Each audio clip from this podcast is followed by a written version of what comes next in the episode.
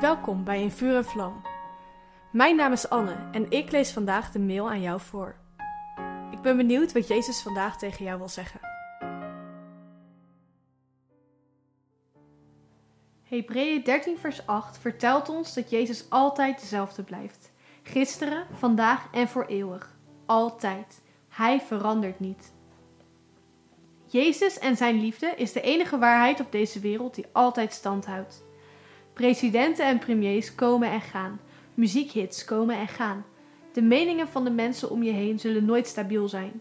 De ene keer houden deze mensen van je en zijn ze positief, de andere keer weer negatief.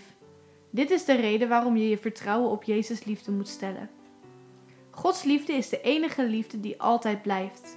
Je kunt er altijd op vertrouwen. Jezus is één keer voor je gestorven aan het kruis, maar dit offer blijft voor altijd bestaan. Het kruis zegt voor altijd: Ik hou van jou. Als mens ben je gemaakt om liefde nodig te hebben.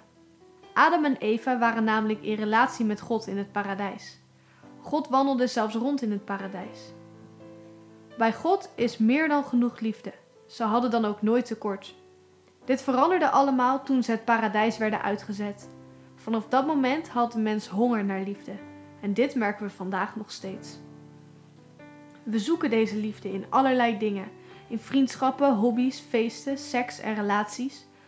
Omdat we op zoek zijn naar liefde, doen we ons soms anders voor als mensen dan maar meer van ons houden.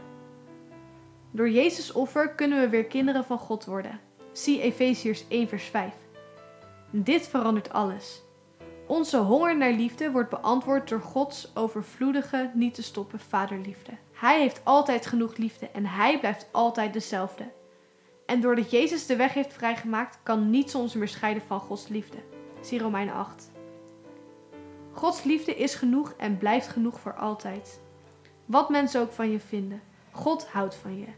Bouw je leven daarom op Zijn liefde. Vul je gedachten met wat Hij over je zegt. Spendeer tijd met Hem, laat je hart vullen door Hem. Dan zul je geliefd en vervuld door het leven gaan en heb je altijd genoeg liefde om uit te delen aan de mensen om je heen.